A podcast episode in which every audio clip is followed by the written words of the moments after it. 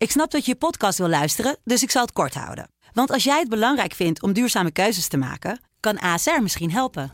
Nou hoor ik je denken, hoe dan?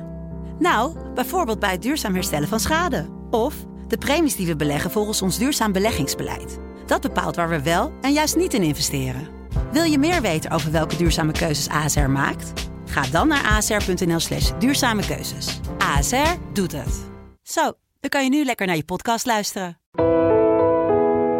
Een podcast van Vrouw. Ik vond het echt heel pittig. En ik heb op ja, bepaalde momenten echt wel gedacht van... oh mijn god, af en toe kon ik ze wel even achter mijn hangplank hoor.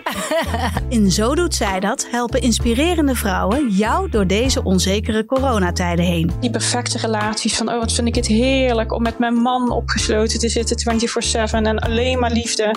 Ja, dan denk ik soms echt van, hou echt even op met mij. Dat, dat bestaat gewoon niet. Hoe blijf je positief als alles wat normaal was ineens verandert? Het hoofd is te vol met allerlei dingen, zorgen. En dan kan je op je kop gaan staan, maar dan wordt je partner gewoon niet... Ja, die valt daar niet voor te poren.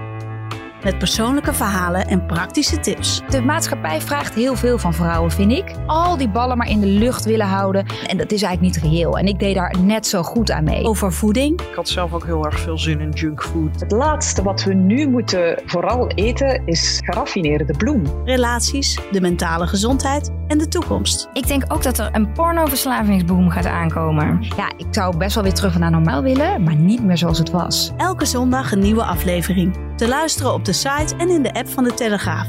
Of via je eigen favoriete podcastplayer. Volgens eh, de astrologie is dat oktober. Dan is het virus onder controle.